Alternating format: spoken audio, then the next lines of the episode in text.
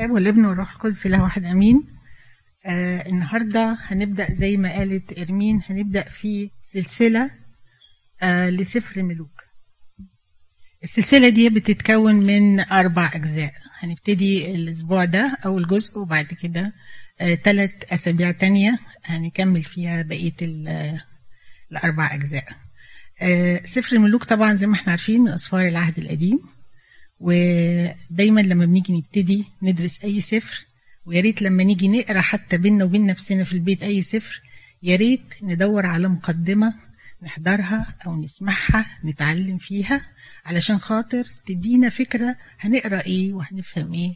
عشان رسالة السفر توصل لنا علشان الكلمة اللي ربنا عايز يديها يوصل لنا نفهم الآية جوه التكست. يبقى ان كونتكست اللي هي في السياق في اللي حصل فيها الآية. آه هي دايما إرمين بتديني عهد قديم وأنا ترجيتها السنة دي إنها تديني عهد جديد بس الحقيقة العهد القديم ممتع جدا و... وأرجو إنكم تكونوا بتستمتعوا بيه زي ما أنا بستمتع بيه. الله يخليك. آه العهد القديم دايما لما بنيجي ندرسه بنتكلم طبعا اللي هي 5 12 5 5 12 أكيد حفظناها وسبعة وأربعة اللي هم متقسم العهد القديم بالأسفار التوراة الخمسة بعدين 12 تاريخ خمسة شعر خمسة أنبياء كبار و12 أنبياء صغار. سبعة اللي هم الأسفار القانونية الثانية وعندنا في الآخر اللي هم التتمة تتمة دانيال تتمة إستير وسفر وصلاة منسى ومزمور 151 دول كل الكتاب كل العهد القديم. سفر الملوك الأول والثاني بيبقوا موجودين. في هو السفر الخامس في السفر السادس في أسفار التاريخ لأنه من الأسفار التاريخية. زي ما قلنا إن كل سفر لازم بنحب إن إيه نشوف شوية حاجات فيه في المقدمة. أول حاجة بنشوفها اسم السفر عايزين نشوف السفر ده اسمه إيه وتسمى كده ليه وايه هدف ربنا انه يحط السفر بالاسم ده. كاتب السفر يهمنا طبعا علشان نبقى بيزود حقية أو ال credibility قعدت أدور على كلمة credibility دي اللي هي صحة الكتاب. إن هو ما يقوليش إن موسى كتب سفر الملوك لأن موسى ما كانش أيام الملوك. فده بيديني لما أقول إن ارميا أو أي حد من الأنبياء أثناء العصر دي أو ما بعدهم هم اللي ممكن يكونوا كتبوا السفر. طبيعة النص إحنا عارفين إن نصوص الكتاب المقدس مختلفة فهنشوف برضو طبيعة نص سفر الملوك ومدة السفر تهمنا ليه؟ الحقبة لأن ده تاريخ ما هياش يعني مثلا زي رسالة. رسالة بنقول اتكتبت إمتى وراحت إمتى. لكن ده تاريخ بيقول لي إيه بنقول إيه؟ حقبة من من أول كذا لأول كذا عشان نحكي التاريخ. بعد كده محتوى السفر. السفر فيه إيه؟ هنتكلم عن إيه في السفر ده؟ الخط الزمني يعني إحنا فين في التاريخ؟ من أول التكوين إحنا الملوك دول فين بالنسبة لبقية الإيه؟ الاسفار من أول آدم وصلنا للسفر الملوك ده إزاي؟ بعدين بنشوف رسالة السفر وهدفه. بنشوف شخصيات السفر عشان هنعرف إن إحنا هنفهم هنتكلم عن مين هنشوف مين وإحنا بنقرأ عشان هنتعلم من مين. وبعد كده رموز السفر كل سفر في الكتاب المقدس فيه رمز إشارة أو نبوة للسيد المسيح. وأكتر حاجة بنشوفها هي رموز المخلص. بيجي مخلص ودايما المخلص ده بيجي شخص واحد. ما بيجيش عيلة ولا نفرين ولا سبت ولا حاجة هو واحد. في في التكوين جه مخلص واحد كان اسمه يوسف. في الخروج مخلص واحد اسمه موسى. في يشوع مخلص واحد اسمه يشوع. قضاة مخلص واحد اللي هم ال 14 قاضي أو ال 12 قاضي اللي هم كان بيقيمهم الله يخلصوا وبعد كده الشعب يجمع ويقيم قاضي تاني وهكذا. وهكذا شفنا مخلص. إذا ما كانتش فيها قصة مخلص بيبقى فيها النبوة بيبقى فيها إشارة. وإحنا بنقرأ كتاب العهد القديم لازم ندور على المسيح. هنلاقيه في ممكن نلاقيه في كل صفحة في بعض الأسفار. فإحنا ندور عليه ونشوفه لأن التاريخ ده ما بيكتبش كده وخلاص. مش حكايات علشان إحنا نتعلمها ونتسلى بيها. فبنشوف رموز السفر بنشوف علاقة السفر بالأسفار اللي قبله واللي بعده. تمام؟ يلا نرول ونبتدي اسم السفر. اسم السفر اسمه إيه؟ اسمه سفر ملوك الأول والتاني. ملوك. في الأصل العبري ما اسموش اسم ما اسموش اسم الملوك. هنشوف اسمه إيه. وهنشوف إيه في الترجمة السبعينية. في الأصل العبري اسمه سفر الملكوت. لوكث مالوكس اللي هي M A L K U L T H وما اسموش سفر ملوك ما بيتكلمش عن أفراد ملوك. بيتكلم عن ملكوت عن كيان. في في العبري ولما كتبوه في العبري كتبوا ما كتبوش ملوك أول وتاني كتبوا ملوك. الأول والتاني كانوا كتاب واحد. زي ما في سفر صمويل. الأول والتاني كان اسمهم صمويل. إخبار الأيام الأولى والثانيه كان اسمهم إخبار الأيام. جت الترجمة السبعينية وهي بتترجم لقيت السفر كبير. صعب إن هم ينقلوه في ال rolls دي scrolls اللي بيعملوها. صعب إن ينقلوه من مكان لمكان. فراحوا مقسمين الأسفار أول وتاني تاني وتالت. بس بقى جم في سفر صمويل الأول. صمويل. سفر صمويل. هم عندهم سفر واحد اسمه صمويل. سفر واحد اسمه ملوك. بيترجموهم. قالوا لأ ده صمويل بيبتدي بإيه؟ بحكاية صمويل. وبعد كده شاول. مملكة. صمويل الثاني مملكة. صمويل الملوك الأول مملكة الملوك الثاني مملكة. قال لا إحنا بقى هنجمع الأربعة دول ونسميهم سفر الإيه؟ الملوك. خدوا في الطبعة الطبعة السبعينية ملوك الأول اللي هو صمويل الأول ملوك الثاني اللي هو صمويل الثاني طب يبقى إحنا النهارده هندرس إيه بالنسبة لهم؟ ملوك ثالث هندرس النهارده ملوك الثالث بالنسبة للطبعة السبعينية. وبعد كده ملوك الثاني اللي إحنا عارفينه عندهم اسمه الملوك الرابع اللي الجيروم برضو طبعة الفولجاتا بتاعت جيروم عملت نفس القصة دي. عملتهم أربعة ملوك. في بعض الكتب ال Bibles الكاثوليك تلاقي ملوك ثلاثة دي. لكن إحنا في الطبعة المسيحية الأخيرة دي آه حاطين صمويل أول وتاني ملوك أول وتاني أخبار الأيام الأولى والتاني آه في الترتيب العبري للبايبل للتناخ مش هنقول التوراة إحنا اتفقنا ان التوراة دي الأسفار الخمسة فقط. تمام؟ التناخ هو الكتاب المقدس العبري كله اللي هم الكتب الناموس والأنبياء والكتب.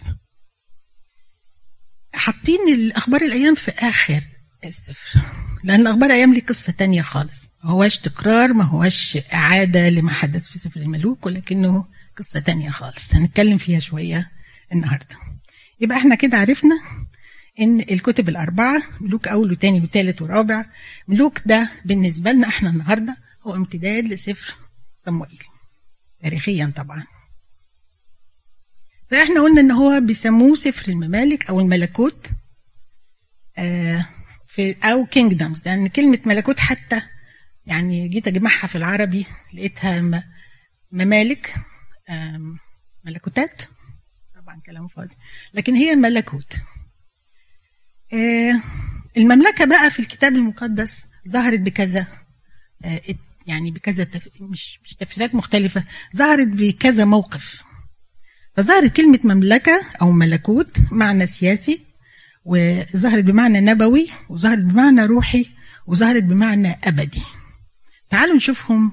أنا يعني انتهزت الفرصة إن إحنا بنتكلم عن سفر الملوك عشان عايزة أهنت يعني أط... انفسايز على حاجة أظهر حاجة معينة بسبب الملكوت. إن عجباني كلمة ملكوت دي قوي يعني. حاسة إن لما يقول لي ربنا ملكوت الله في داخلكم لازم أفهمها وأفهمها صح. تعالوا نشوف.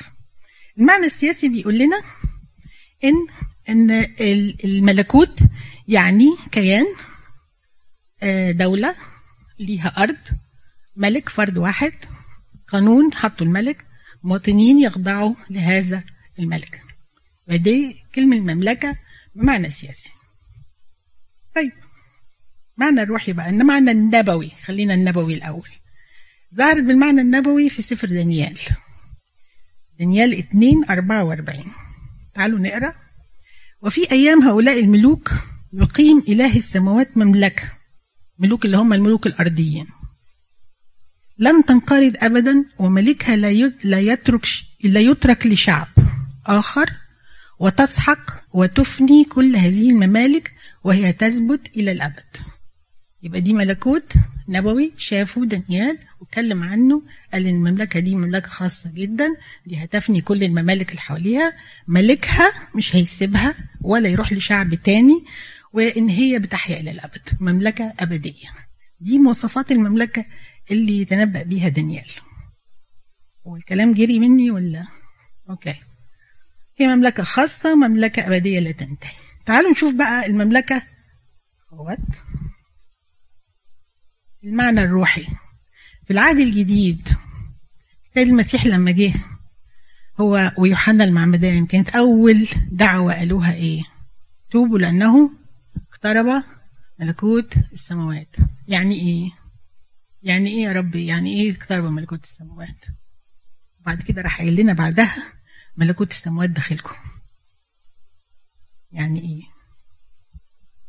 يعني في بقى تعالوا نرجع للتعريف. ملكوت ده كيان فيه ملك وفيه قانون وفيه مواطنين.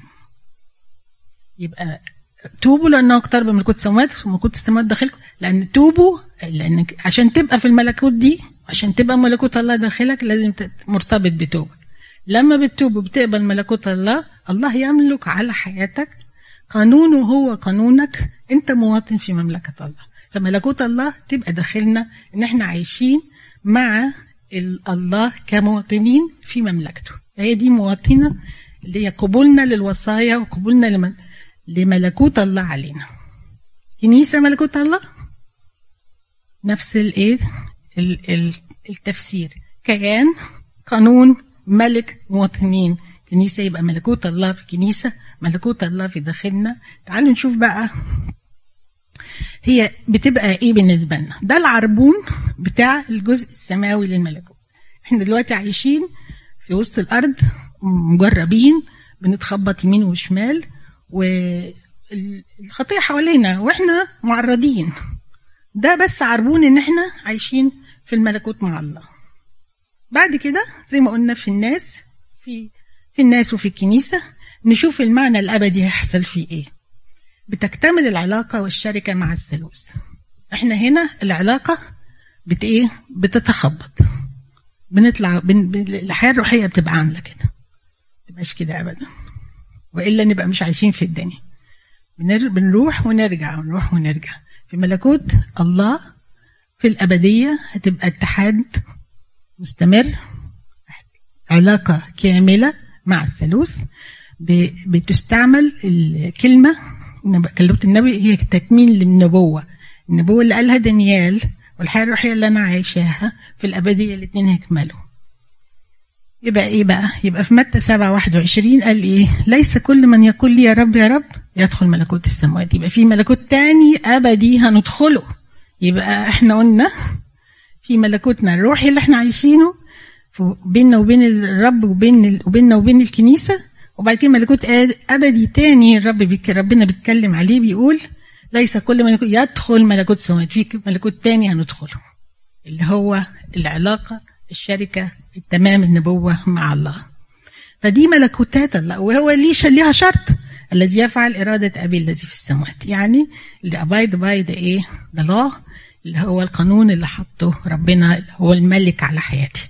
يبقى أنا ربنا ملك على حياتي أنا بحيا بحياة في حياة الملكوت يبقى ملكوت الله فين؟ في داخلنا. جميل. كده إحنا عدينا كلمة اسم السفر. طيب كاتب السفر مين؟ أرميا النبي. ده التقليد اليهودي بيقول إن هو أرميا النبي. لكن التقليد يعني المسيحيين قالوا ممكن يكون أرميا ممكن يكون مجموعة من الكتاب. قالوا ممكن عزرا ممكن أشعية ممكن حسقيال. فآخرون لكن التقليد اليهودي ما أجمع إن هو أرميا كاتب السفر. طبيعة النص. بيهمني في طبيعة النص إن أنا بقدر أفهمه. نص تاريخي. عارفين إحنا النصوص في الكتاب المقدس. نص شريعة. نص إيه تاني؟ شعر. موسيقى. نص تاريخ. نص حد يقول حاجة؟ نبوي. رؤيوي ونبوي ونص بشارة ونص رسالة. ففي ست نصوص ست أنواع من النصوص. النص بتاعنا النهاردة هو نص تاريخي. تاريخ يعني بيسرد التاريخ. بيسرد التاريخ إزاي؟ بيسرده من خلال أشخاص. يحكي لنا مثلا سيرة ذاتية لفلان. حكى لنا السيره الذاتيه لشاول. ومن خلاله ظهرت أحداث تاريخ. السيرة الذاتية لداود النبي والملك من خلاله وهكذا أو بيسردوا عن طريق أحداث. يعني الأحداث تظهر فيها أشخاص زي ما حصل في الملوك. يعني يقول لنا الملك ده ظهر وحصل كذا في أيامه ومات وجه ملك بعد كده وأحداث أحداث أحداث. فهي الاثنين قريبين جدا من بعض ودايما ننجل مع بعض. وفي النص برضو بتاع سفري الملوك في تمبلت عارفين طبعا تمبلت يعني. في اسطمبة محطوطة ورا كل ملك في ملوك الأول والثاني عارفينها. وملك فلان كان عمره كم في آه كان عمره كم سنة وملك كم سنة واسم أمه كذا. ده في ملوك يهوذا. واسم أمه كذا وعمل الشر أو المستقيم في عيني الرب. وملك فلان أخوه أو أبوه إيه أخوه أو ابنه آه، بعده ودفن مع أبائه. حاجات اتكررت مثلا هنقول إذا كانوا كلهم 40 ملك ملك اتكررت فوق ال 20 مرة. اللي هي الخلاصة بتاعت حياة هذا الملك. طبعا الملوك بتاعت يهوذا كلهم ملكوا في أورشليم لكن الملوك بتوع السامرة ملكوا يا إما في شكيم يا إما في طرسة يا إما في السامرة فدي تمبلت من ضمن الحاجات اللي بنتعرف عليها في النص. يبقى سفر تاريخي في ناس ما بتحبش التاريخ الناس بتوع علمي دول ما بيحبوش التاريخ الناس بتوع أدبي يقبلوه قوي. آه طب أنا مالي ومال التاريخ؟ ليه بندرس التاريخ؟ طبعا قلناها قبل كده إن التاريخ إيه؟ بيعيد نفسه ليه؟ لأن الناس ما بتتعلمش.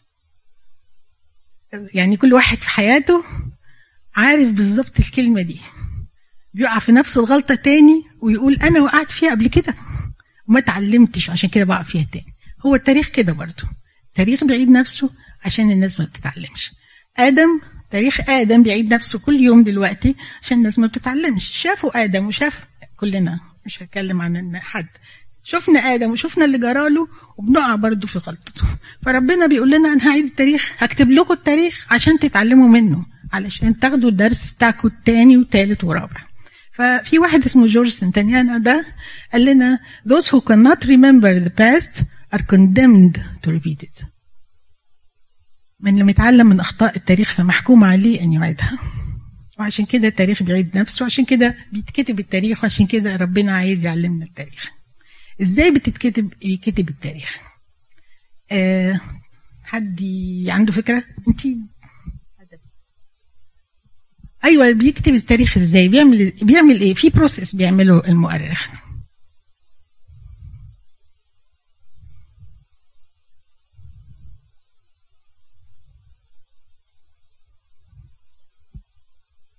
طب أنا هقول تاني عشان لو محدش سمع. آه، إرمين بتقول إنه بيشوف الخبر بيتحقق من الخبر وبيشوف شهود وإيه تاني؟ مؤثر ولا لأ؟ خبر ده حقيقة حصلت ولا لا. طبعا كل الطريقة طريقة التاريخ أحداث بتحصل قدامه هو طبعا بينتقي الخبر الحقيقي وبعد كده بيحط الأحداث قدامه وبينقي يسجل إيه وما يسجلش إيه. مش كل حاجة بيسجلها المؤرخ. مش كل حاجة ربنا حصلت في التاريخ بيكتبها لنا.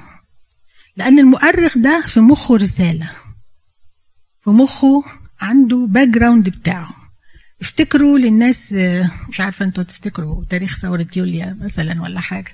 حد درس تاريخ ثورة يوليو؟ واهداف أهداف الثورة الستة؟ انت قديمة بقى.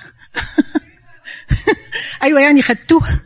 طيب نفس التاريخ أنكر نفسه دلوقتي لأن كان في اتجاه معين سياسي أو ساعات بيبقى اتجاه روحي وساعات بيبقى اتجاه اجتماعي في كتابة التاريخ. فاللي بيحصل إن المؤرخ بيختار أحداث من ضمن الأحداث بيقيمها زي ما انت قلتي يا ريمين وبعد كده بيربطها ببعض عشان يعمل لنا thread يعمل لنا خيط يتكلم عنه. الخيط ده بي بيتعلق بانطباعه الشخصي زي ما قلنا وتوجهه وتوجه الممول لكتابة التاريخ. يعني في دول بتمول لكتابة التاريخ.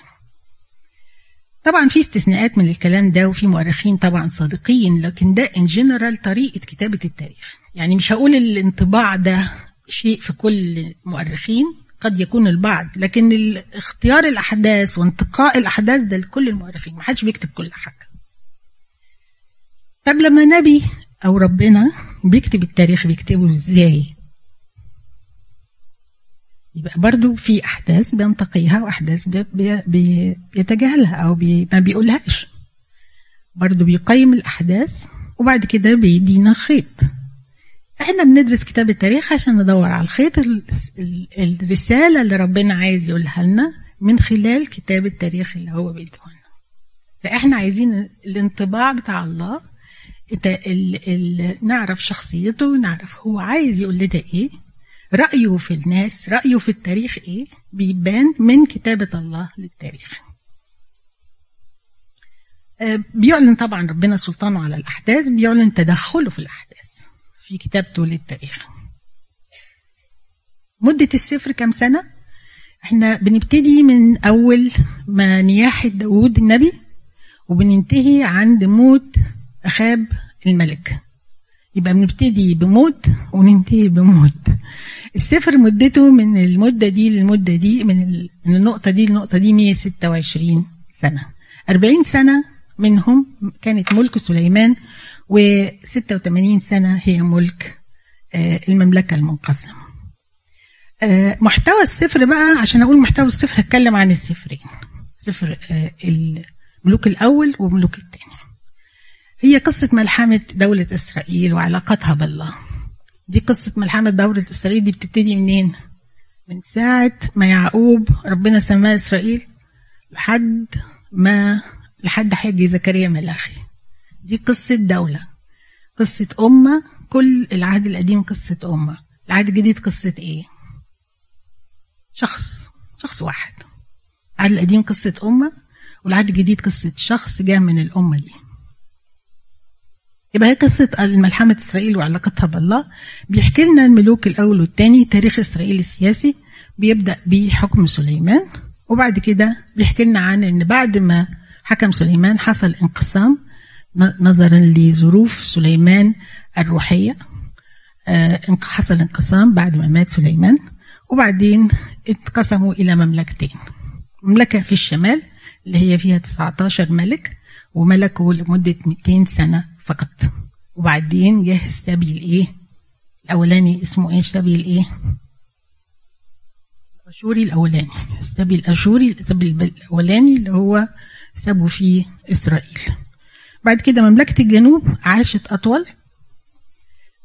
عاشت بعد مملكة الشمال ب 300 ب 150 سنة.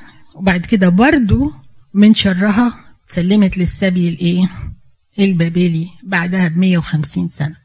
و20 ملك ملكوا شايفين الفرق بين ال 19 ملك في 200 سنة و20 ملك في ده دليل على إيه؟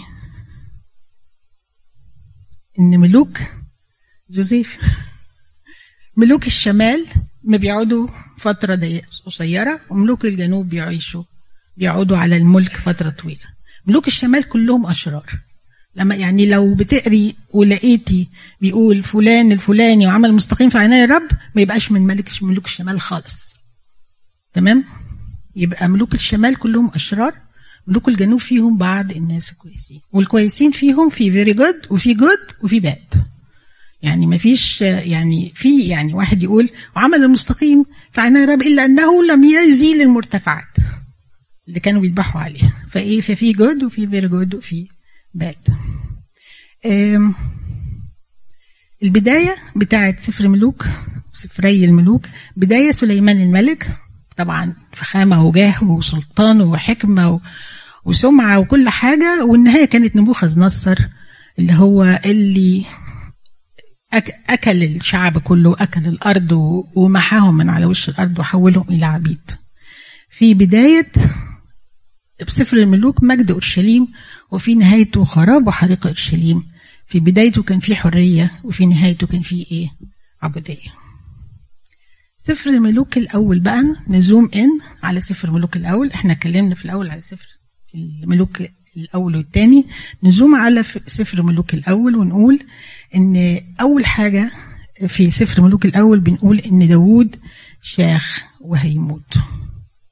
طيب شكل المملكة إيه بقى لما داوود شاخ وهيموت كانت مملكة قوية متحدة متماسكة فيها سلام بينها وبين كل البلاد اللي حواليها. تعالوا نشوف البلاد اللي حواليها اللي كان داود مسيطر وكان عنده سلام معهم. أدوم كانت محتلة بداود داود كانوا خاضعين لداود اللي لونهم برتقاني دول خاضعين لداود وهشاور عليهم بال mouse. ال mouse باين في كده؟ مش باين خالص؟ طيب البرتقاني؟ طب باين لونه برتقاني؟ تمام. ما هو يا بنتي الماوس لا مش هو ده. okay. أدوم؟ البرتقاني مؤاب. عارفين مؤاب وعمون وأدوم دول كانوا أعداء على مدى تاريخ من أيام سفر التثنية فاكرين؟ لما كانوا ماشيين في أرضهم وما رضيوش يدخلوهم ويحاربوهم. يبقى أدوم ومؤاب وعمون كانوا تحت سيطرة داوود. أرام. شوفوا أرام كانت بكل قوتها كانوا تحت سيطرة داوود. شوف عشان هو كان إنسان عارف هو يعني ربنا كان واقف معاه وموفقه وزي ما إحنا عارفين قلبه حسب قلب الله فكان على طول ربنا بيوقف معاه وما كانش بيدور على مصلحته كانت كل حاجة من أجل الله. الحتة الرمادي دي كانت معاهدة بينه وبينهم اللي هي المساحة بين بين أرام والفرات. خلوا بالكم من كلمة الفرات دي ها؟ يبقى دي الفرات اللي فوق ده. تفرة اللي هو نهر الفرات اللي هي آخر المنطقة الرمادي. يبقى المنطقة الرمادي دي كلها معاهم معاهدة معاهدة سلام. الأخضر بقى دي صيدون. وتسمعوا عن حيرام ملك صيدون وازاي داوود كان متفق معاه يورد له الايه؟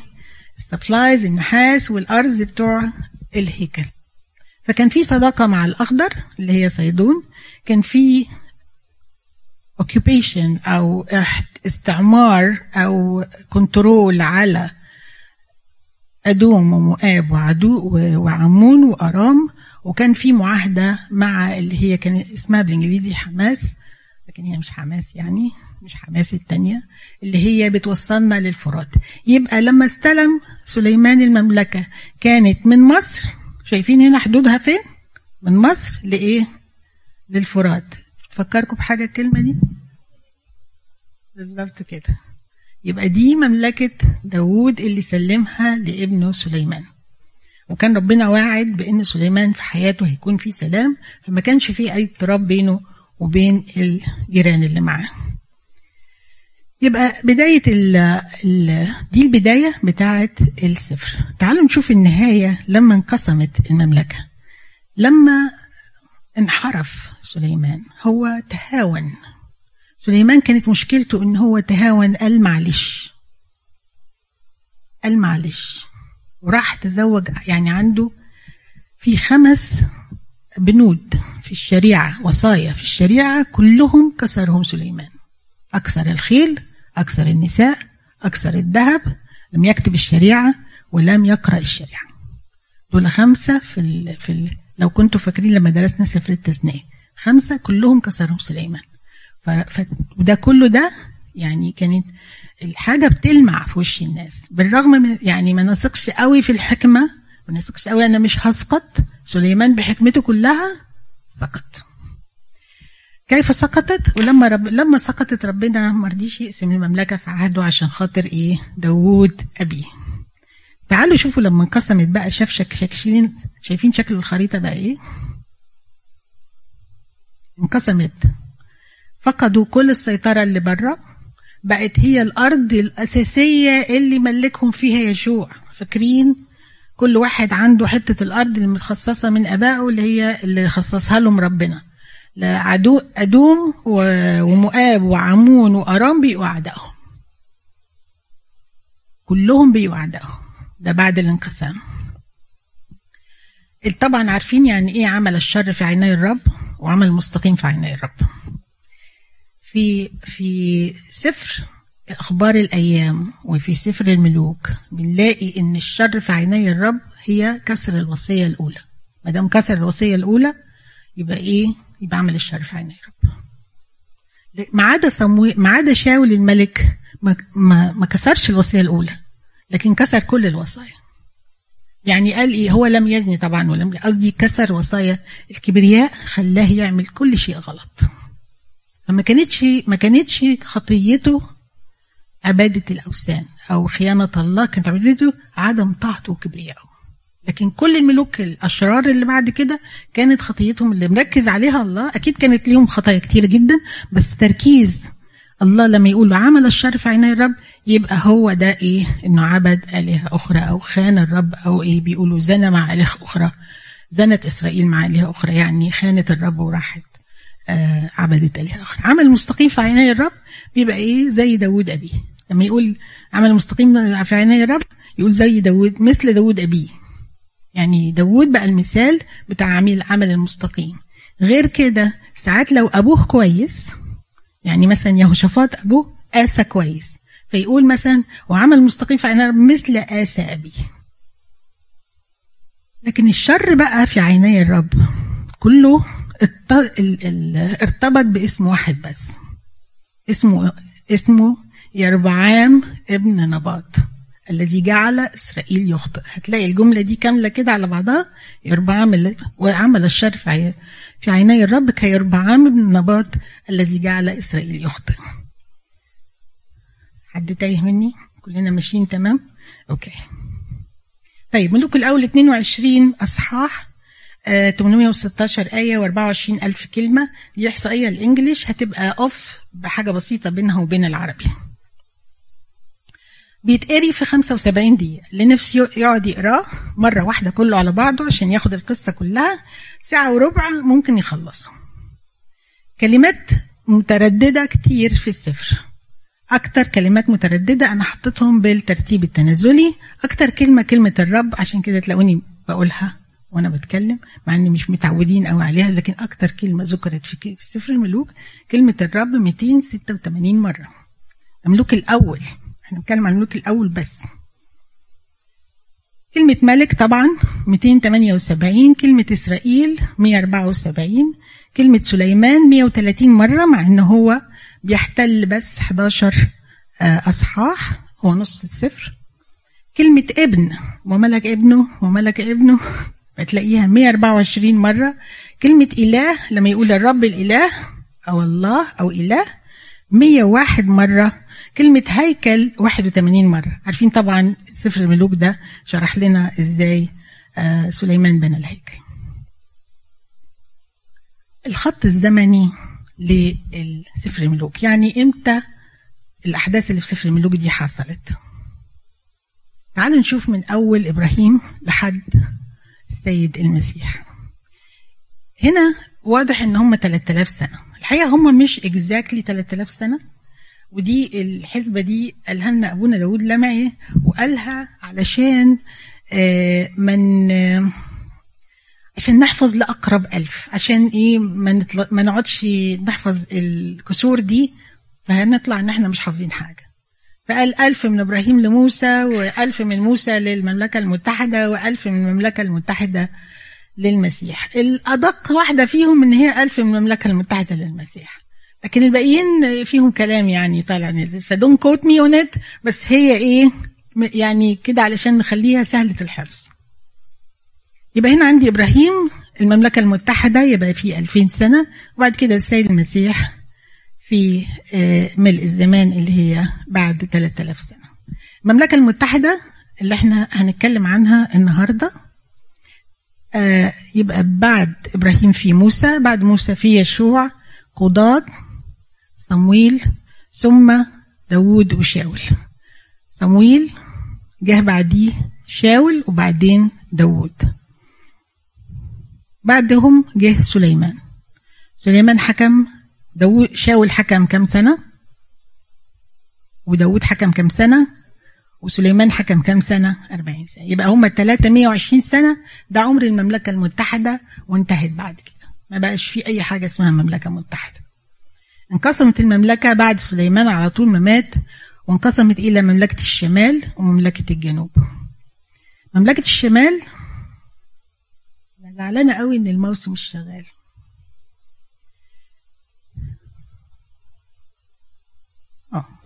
كده باين. يا أخيرا مملكة الجنوب اللي هي ابن سليمان رحب عام. رحب عام. رحب يعني ساعة وعام يعني شعب. رحب عام يعني ساعة الشعب رحب. ويربع عام يعني كثر الشعب. ساعة الشعب كانت في الجنوب رحب عام كان في الجنوب. قالوا له انت خد يعني ما نيجي في التفاصيل في الآخر قالوا له انت خد مملكتك يهوذا وإحنا هناخد بقية العشر اسباط وأخد مملكة الشمال يربعام ابن نباط. خد مملكة إسرائيل في الشمال عشرين ملك آه، يربعام ده مش من أصل ملوكي خالص ولا ليه أي نسب في ده كان خادم لسليمان الملك وكان آه، حصلت فتنة وكان سليمان أمر بقتله فهرب راح مصر لما سمع إن سليمان مات جه. وكان راجل جبار بأس يعني ما كانش واحد سهل يعني. لما رجع آه، سرق مش من ضعف رحبعام ورعونته وقلة خبرته واستماعه للمشورة السيئة قدر يربعام ياخد ودي كانت طبعا نبوة وكان ده البلان بتاعت ربنا المملكة تنقسم سواء بيربعام أو من غيره بس الله هو اللي أقام يربعام عشان ياخد العشر أسباط المهم هم انقسموا.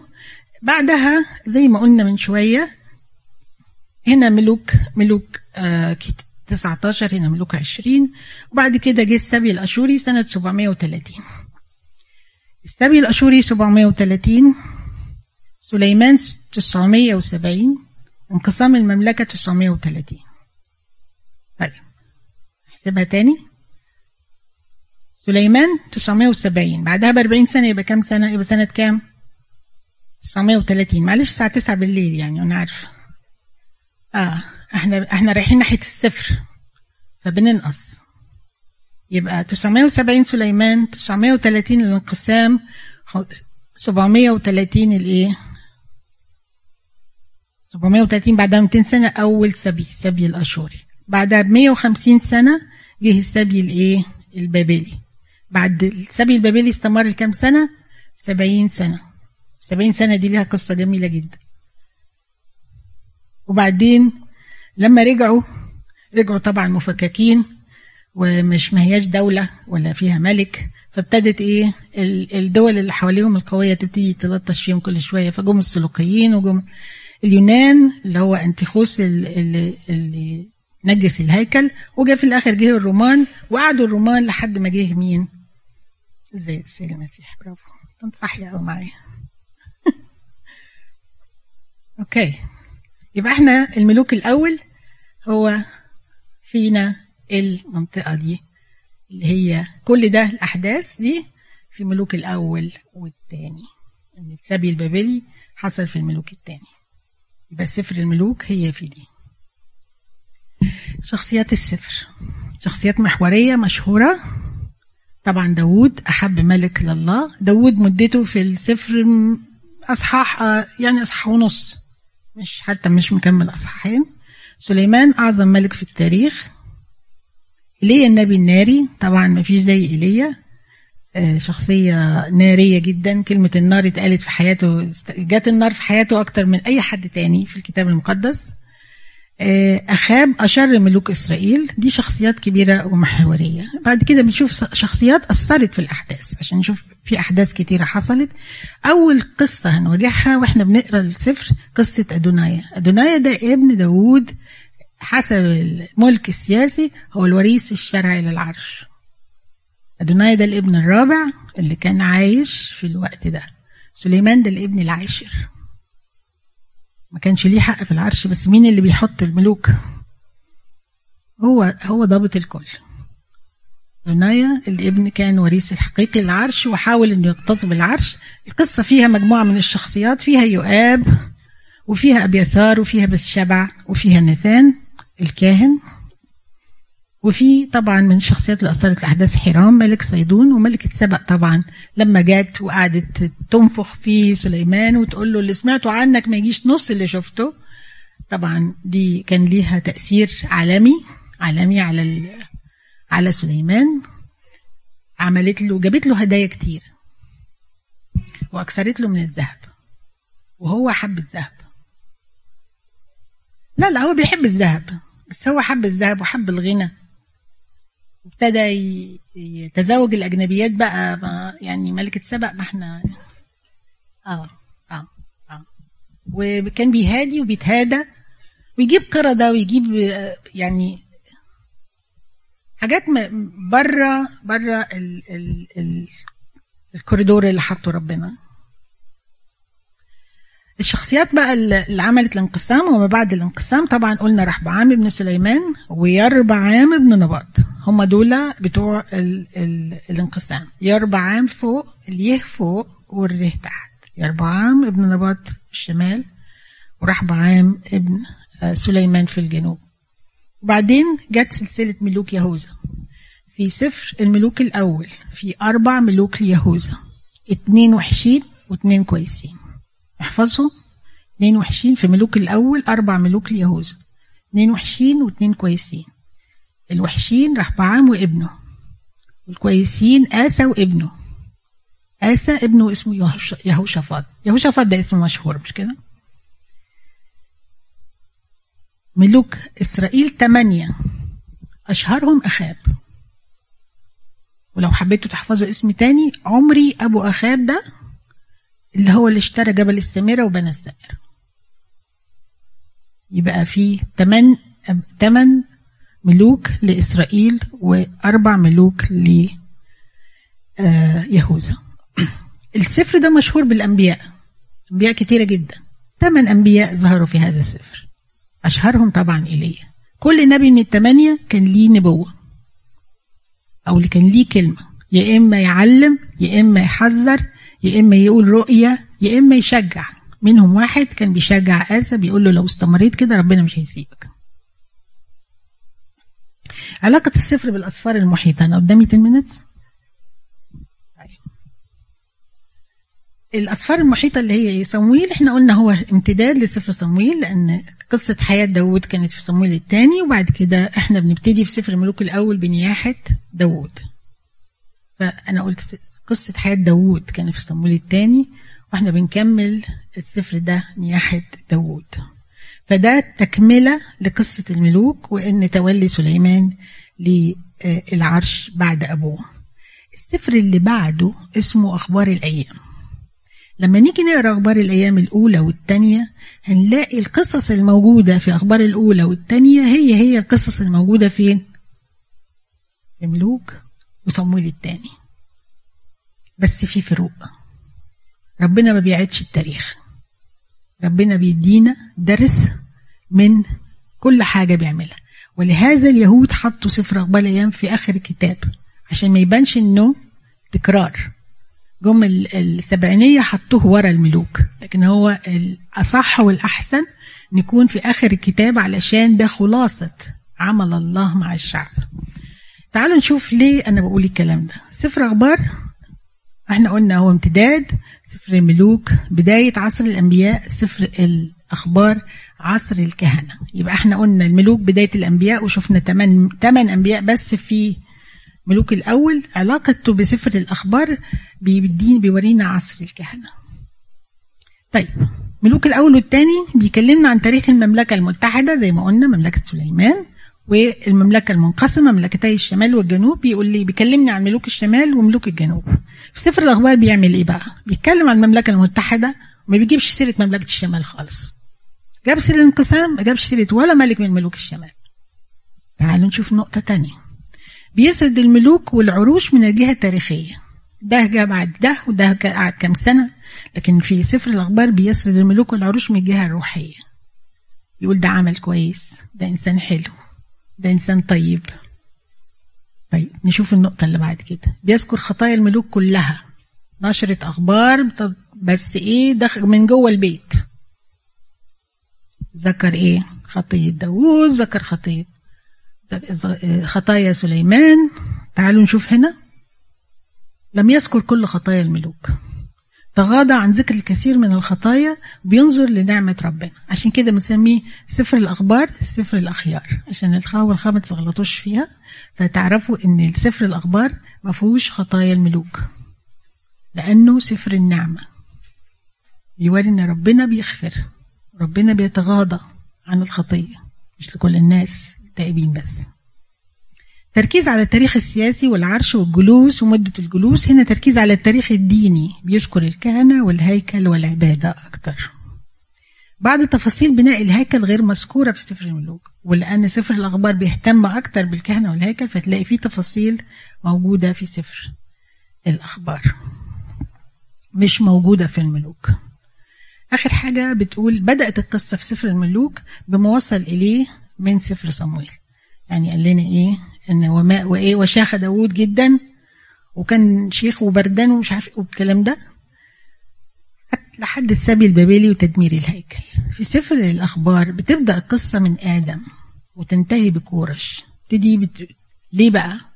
سفر الأخبار ده مكتوب بعد السبي بكتير. الناس راجعة من السبي. لازم تعرف هي هم أولاد مين بي... وينتموا لإيه وتاريخهم إيه.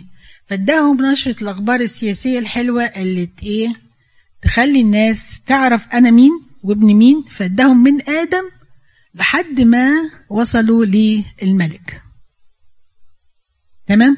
فتلاقوا تسع أصحاحات في أخبار الأيام الأولى كلها أنساب. مش عشان إن إحنا نبدأ من أصحاح عشرة ده ليها معنى إن هو بيبدأ من أول آدم.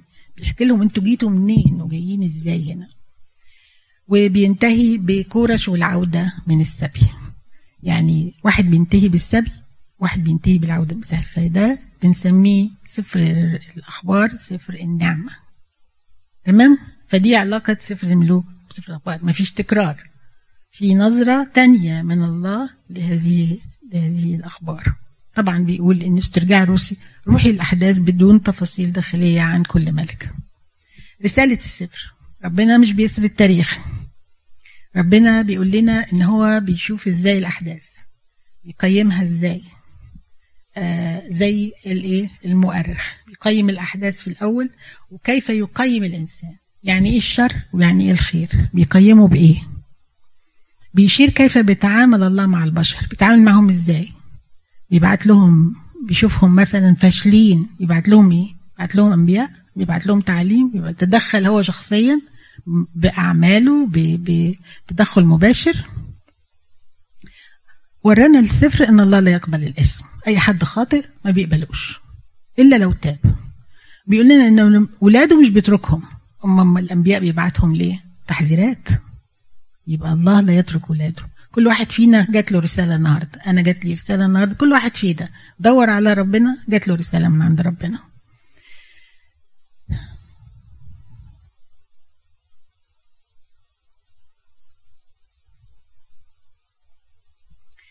إيه الله بيترك الله رحيم بيقبل التوبة. بنشوف آه أخاب لما تاب توبة مؤقتة ربنا سامحه.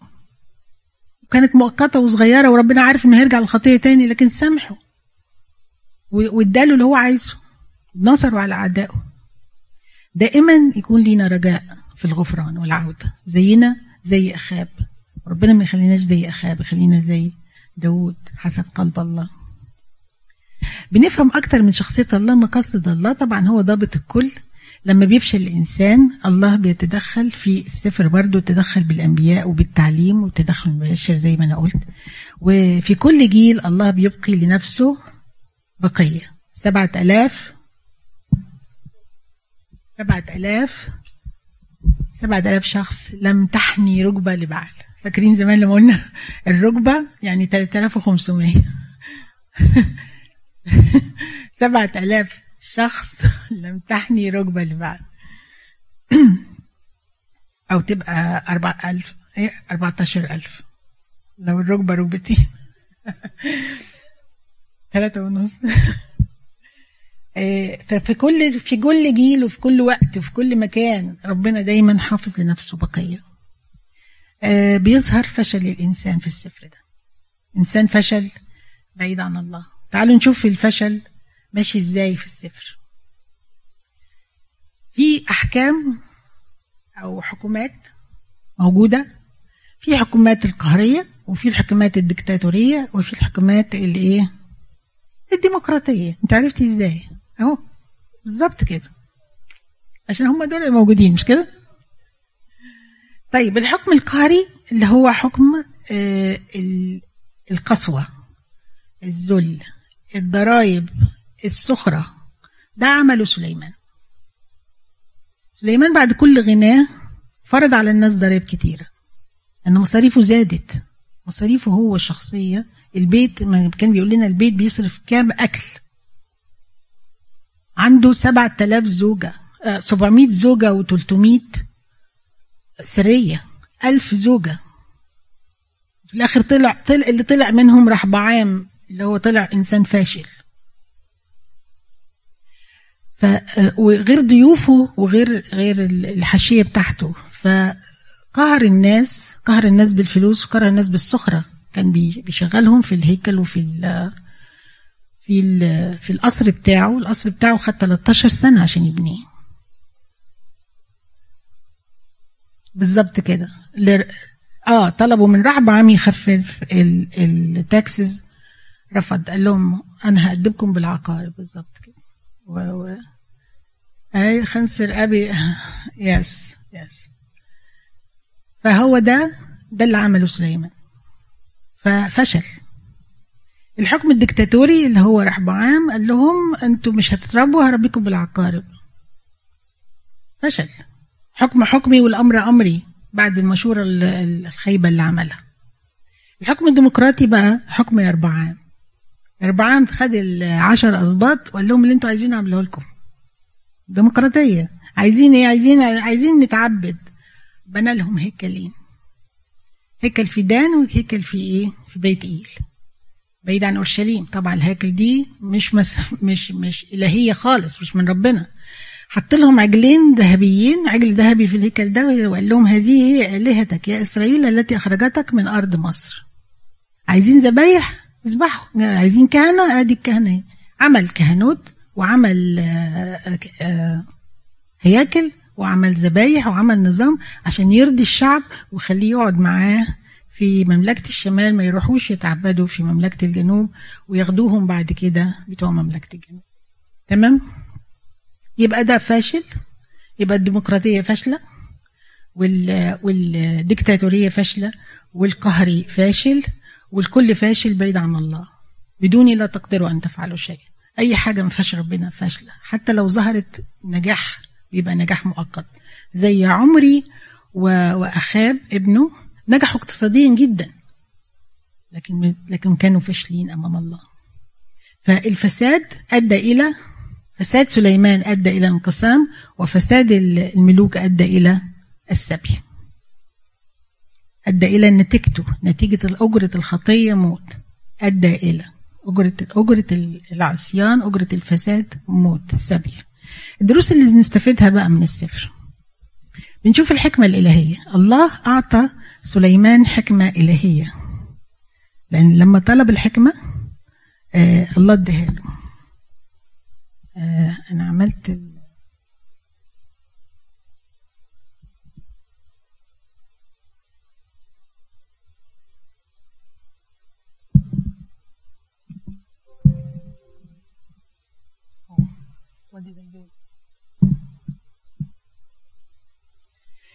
آه الحكمة الآلية دي عطية من الله بيديها بسخاء للي يطلبها زي ما قال يعقوب الرسول إن من من من يطلب حكمة من يحتاج حكمة يطلب حكمة من ربنا وربنا هيديله بالسخاء حكمة الله حكمة آه، إلهية يعني ما هياش أرضية نفسية شيطانية.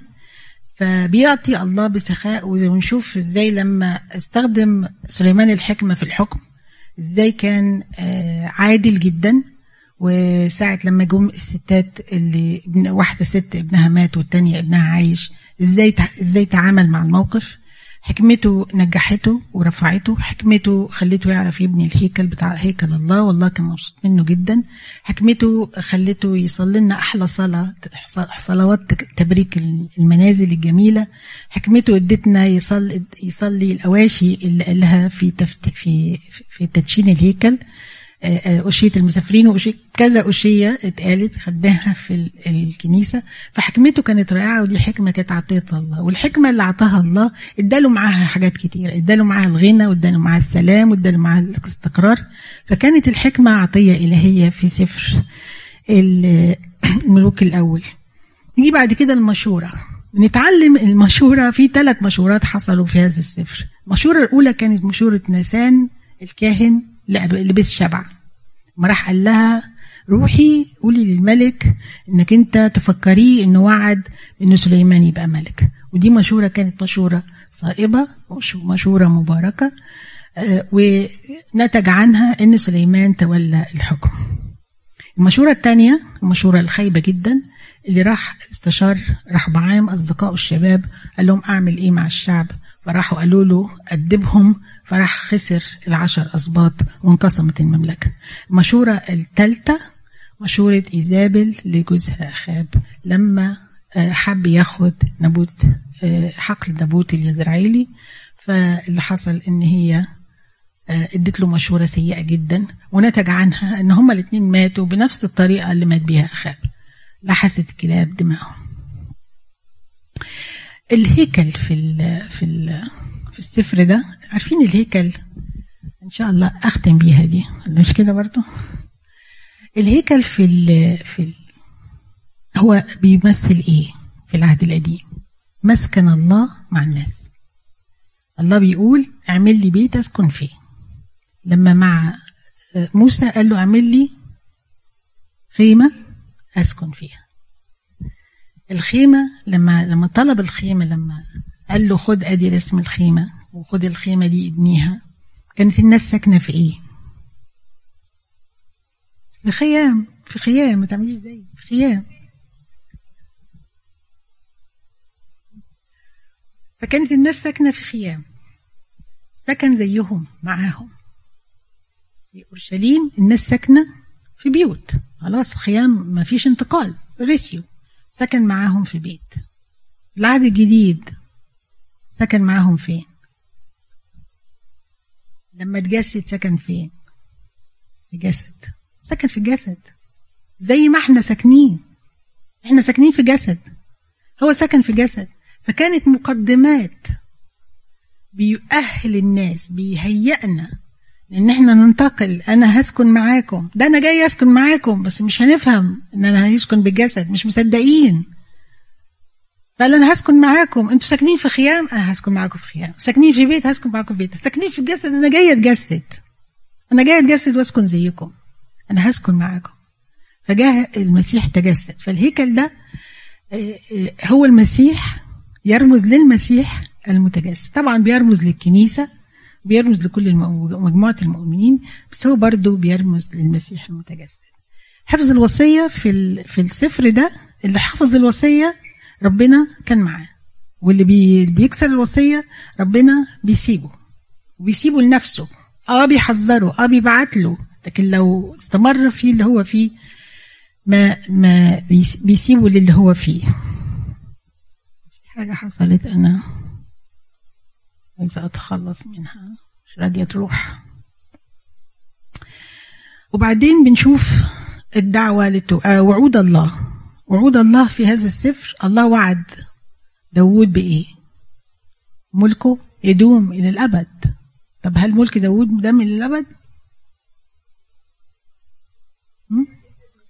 مسيح ابن داود المسيح ابن داود ملكه يدوم إلى الابد ما كانش ابدا وعد مشروط كان وعد من الله من غير شرط. هو قال له ولادك يسكنوا ولادك أنت. إن حفظ بنوك عهدي وشهاداتي فإنهم يملكون إلى الأبد. لكن دول ما حفظوش بني لكن أنا الوعد اللي اديته لك من غير شرط إن المسيح يملك. هو المسيح الملك الأبدي عليك. طبعا الدعوة للتوبة كانت على طول في فم إيليا وفي فم الأنبياء يا جماعة ارجعوا علشان ربنا هيعمل مطر هي هيحوش المطر هينزل نار هي ما كانوش بيسمعوا. اللي كان بيسمع ما كانوش بيسمعوا. حتى القصة بتاعت إيليا لما قال له لا طل ولا مطر حتى أنا أقول راح كده دخل على الملك على طول مفيش مفيش خوف. تمسك بالإيمان. طبعا أكتر واحد شفناه متمسك بالإيمان هو إيليا لآخر وقت. هو كان متمسك بالإيمان. آه يئس آه تعب. آه خاف. لكن ما ما تخلاش عن الكلمة اللي مديها له ربنا وما تخلاش عن ربنا ابدا. طبعا رموز السفر سليمان. الملك. في دقيقتين تاني. سليمان الملك. آه، آه، طبعا مقترن باسمه سليمان الإيه؟ الحكيم. السيد المسيح هو أقنوم الحكمة. أقنوم الحكمة. هو أقنوم الكلمة صح لكن هو أقنوم الحكمة برضه. الحكمة بنت بيتها. تمام؟ آه، غير كده إن هو ملك سلام. في وقته كان في سلام وإحنا المسيح ملك السلام. غير كده إنه كان بيتكلم بأمثال. مين كتب سفر الأمثال؟ سليمان. والمسيح كان بيتكلم بأمثال. غير كده إن هو برضو كان ممجد وعظيم والمسيح هو طبعا في كل حين ممجد وعظيم. تاني و... تاني مثل تاني رمز هو الهيكل ودي قلناها. تالت رمز انقسام المملكة. الشر بيؤدي إلى فس... بي... بي... بيؤدي إلى على طول. الشر بيؤدي إلى فساد إلى انقسام إلى إلى ذل إلى من الحرية للعبودية من ال... من الغنى للفقر من ال... من الاتحاد للتفكك. ايليا طبعا رمز المين. رمز المسيح ومين تاني؟ دايما بنشبه إيليا بيوحنا المعمدان. يجب يأتي بروح إيليا وقوته. بنشبه إيليا بيوحنا المعمدان في حاجات كتيرة فهو بيشبه ولبسه بيشبه يوحنا المعمدان في حاجات كتير وبيشبه المسيح إن هو إن هو حي لغاية دلوقتي. yes yes صعد وصعد يعني. بيشبه كمان المسيح في إن هو آه، أطعم الأرملة وابنها والمسيح أطعم السبع آه، ال- الخمس تلاف هو كمان أقام ابن الأرملة والمسيح أقام ابن الأرملة. آه، دي تشبيهات تأملات من الناس يعني. وكده I think إحنا هنقرأ كل يوم أصحاح. سبعة أيام على بداية يوم الجمعة الجاية نكون وصلنا لأصحاح سبعة. تقسيمة السفر زي ما إحنا قلنا أقولها لكم وأسيبها لكم. المملكة المتحدة سليمان ملكا من أصحاح واحد ل 11 المملكة المنقسمة من أصحاح 12 ل 22 هندرس تحت المملكة المتحدة مش عارفة إيه اللي حصل. هنشوف من أصحاح واحد لاثنين تتويج سليمان ثم مجد سليمان من خمسة لثمانية بناء الهيكل ومن تسعة لحداشر ثمار حكم سليمان وبداية الانحدار. في المملكة المنقسمة بنشوف مملكة يهوذا وسلوكها وبعد كده ملوك متعددين وبعد كده بنشوف أخاب وإيليا وإلهنا المجد الدائم إلى الأبد أمين. حد عنده أي أسئلة تعليق مناقشة؟ شكرا قوي وربنا معاكم.